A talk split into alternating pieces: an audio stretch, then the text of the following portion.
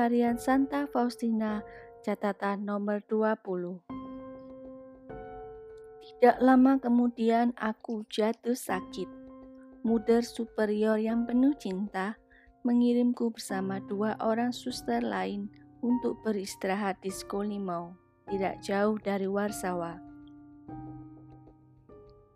Pada saat itulah aku bertanya kepada Tuhan, siapa lagi yang harus aku doakan?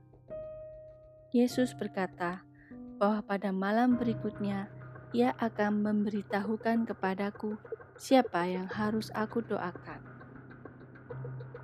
Malam berikutnya, aku melihat malaikat pelindungku yang memerintahkan aku untuk mengikuti dia. Dalam sekejap, aku berada di tempat berkabut yang penuh dengan api, di mana ada satu himpunan besar jiwa yang sedang menderita. Mereka berdoa dengan amat kusyuk bagi diri mereka sendiri, tetapi tanpa hasil bagi mereka hanya kita yang dapat membantu mereka. Nyala yang membakar mereka sama sekali tidak menyentuhku. Malaikat pelindungku tidak meninggalkan aku sesaat pun. Aku menanyakan kepada jiwa-jiwa itu penderitaan apa yang paling mereka rasakan. Mereka menjawab kepadaku serentak bahwa siksaan yang paling mereka rasakan adalah kerinduan akan Allah. Aku melihat Bunda Allah mengunjungi jiwa-jiwa di purgatorium. Jiwa-jiwa itu menyebutnya bintang samudra. Ia membawa kesegaran bagi mereka. Aku ingin berbicara dengan mereka lebih lama, tetapi malaikat pelindungku memberi isyarat kepadaku untuk pergi. Kami keluar dari penjara yang penuh penderitaan itu Aku mendengar suara dari dalam hatiku yang berkata, Kerahimanku tidak menghendaki hal ini, tetapi keadilan menuntutnya. Sejak saat itu, aku menghayati persekutuan yang lebih erat dengan jiwa-jiwa yang menderita.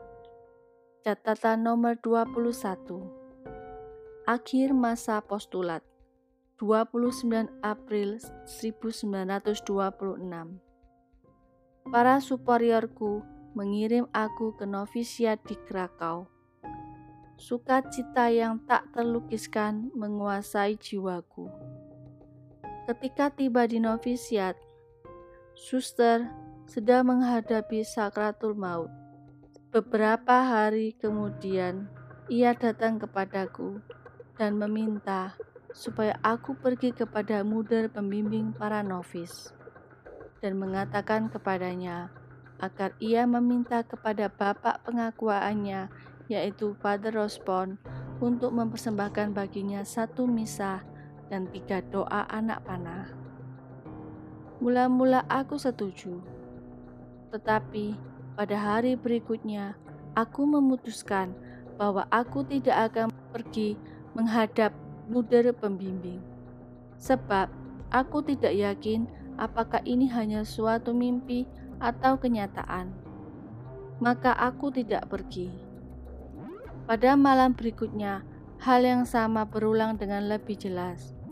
Aku tidak ragu-ragu lagi. Tetapi pagi harinya, aku masih memutuskan bahwa aku baru akan mengatakan hal itu kepada muder pembimbing kalau aku melihat dia pada siang hari. Sekonyong-konyong, aku berjumpa dengan suster Henrika di lorong biara. Ia mencela aku karena tidak segera pergi, dan kegelisahan yang luar biasa memenuhi jiwaku. Maka aku langsung menghadap mudir pembimbing dan menceritakan kepadanya segala sesuatu yang telah aku alami. Muda menjawab bahwa ia akan memerhatikan hal itu. Seketika itu ketegangan menyelimuti jiwaku. Dan pada hari ketiga, suster itu datang kepadaku dan berkata, Semoga Allah membalasmu. Catatan harian nomor 22 Pada hari aku mengenakan busana biarawati, Allah memberitahukan kepadaku betapa banyak aku harus menderita. Dengan jelas, aku menyaksikan apa konsekuensi dari penyerahan diriku. Sejenak, aku mengalami penderitaan itu, tetapi kemudian Allah kembali memenuhi jiwaku dengan penghiburan-penghiburan yang besar. Catatan harian nomor 23 Menjelang akhir tahun pertama novisiatku, kegelapan mulai membayangi seluruh jiwaku. Aku merasakan tidak ada penghiburan dalam doa. Untuk dapat bermeditasi, aku harus berusaha sekuat tenaga. Ketakutan mulai melanda hatiku. Semakin dalam aku merenungi diriku, semakin aku tidak menemukan apa-apa selain kesedihan yang mencekam. Aku pun dapat melihat dengan jelas kekudusan Allah yang agung. Aku tidak berani mengangkat mataku kepadanya, tetapi merebahkan diriku ke tanah, ke bawah kakinya, dan memohon belas kasihnya. Hampir enam bulan jiwaku berada dalam keadaan seperti ini. Di saat-saat yang sulit ini, muder pembimbing kami yang terkasih membesarkan hatiku. Tetapi semakin hari penderitaan semakin berat Tahun kedua novisiatku sudah semakin dekat. Setiap kali merenungkan bahwa aku harus mengikrarkan kaul-kaulku, jiwaku merasa ngeri. Aku tidak dapat memahami apa yang sedang aku baca. Aku tidak dapat bermeditasi. Aku merasa bahwa doa-doa aku tidak berkenan di hati Allah. Aku merasa bahwa dengan menghampiri sakramen-sakramen kudus, aku bahkan semakin mendukakan Allah. Tetapi, kendati semua itu, Bapa pengakuanku tidak mengizinkan aku melewatkan satu komuni kudus pun. Allah sedang bekerja dengan sangat aneh di dalam jiwaku. Aku tidak memahami sama sekali tentang apa yang dikatakan Bapak pengakuanku kepadaku Kebenaran-kebenaran imannya sederhana pun menjadi sulit aku mengerti. Jiwaku sangat sedih, tidak mampu menemukan penghiburan di mana pun. Pada titik tertentu, muncul dalam hatiku kesan yang amat kuat bahwa aku ditolak oleh Allah. Pemikiran yang mengerikan ini sangat menusuk hatiku. Di tengah-tengah penderitaan itu, jiwaku mulai mengalami sakratul maut.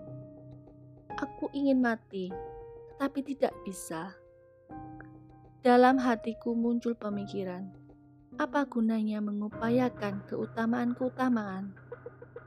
Mengapa harus bermati raga kalau semua itu ditolak oleh Allah? Ketika aku memberitahukan hal ini kepada pembimbing para novis, aku mendapat jawaban ini. Ketahuilah, suster, bahwa Allah telah memilihmu untuk meraih kesucian yang tinggi. Ini adalah tanda bahwa Allah menghendaki suster hidup sangat dekat dengan Dia di surga. Hendaknya suster sungguh-sungguh mengandalkan Tuhan Yesus Pemikiran mengerikan bahwa telah ditolak oleh Allah sungguh merupakan siksaan yang diderita oleh orang terkutuk. Aku berlari kepada luka-luka Yesus dan mengulangi kata-kata penyerahanku. Tetapi kata-kata itu menimbulkan siksaan yang semakin menyakitkan dalam diriku. Aku pergi ke hadapan sakramen Maha Kudus dan aku mulai berbicara kepada Yesus.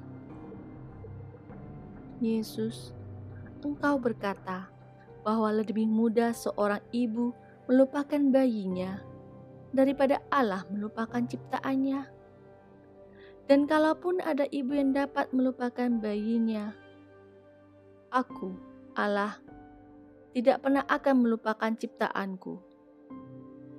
Oh Yesus, tidakkah engkau mendengar betapa jiwaku mengeluh. Sudilah mendengarkan rintihan-rintihan yang memilihkan dari anakmu. Aku mengandalkan Engkau ya Allah. Sebab surga dan bumi akan berlalu, tetapi sabdamu akan bertahan selama-lamanya. Tetapi aku tetap tidak menemukan saat kelegaan.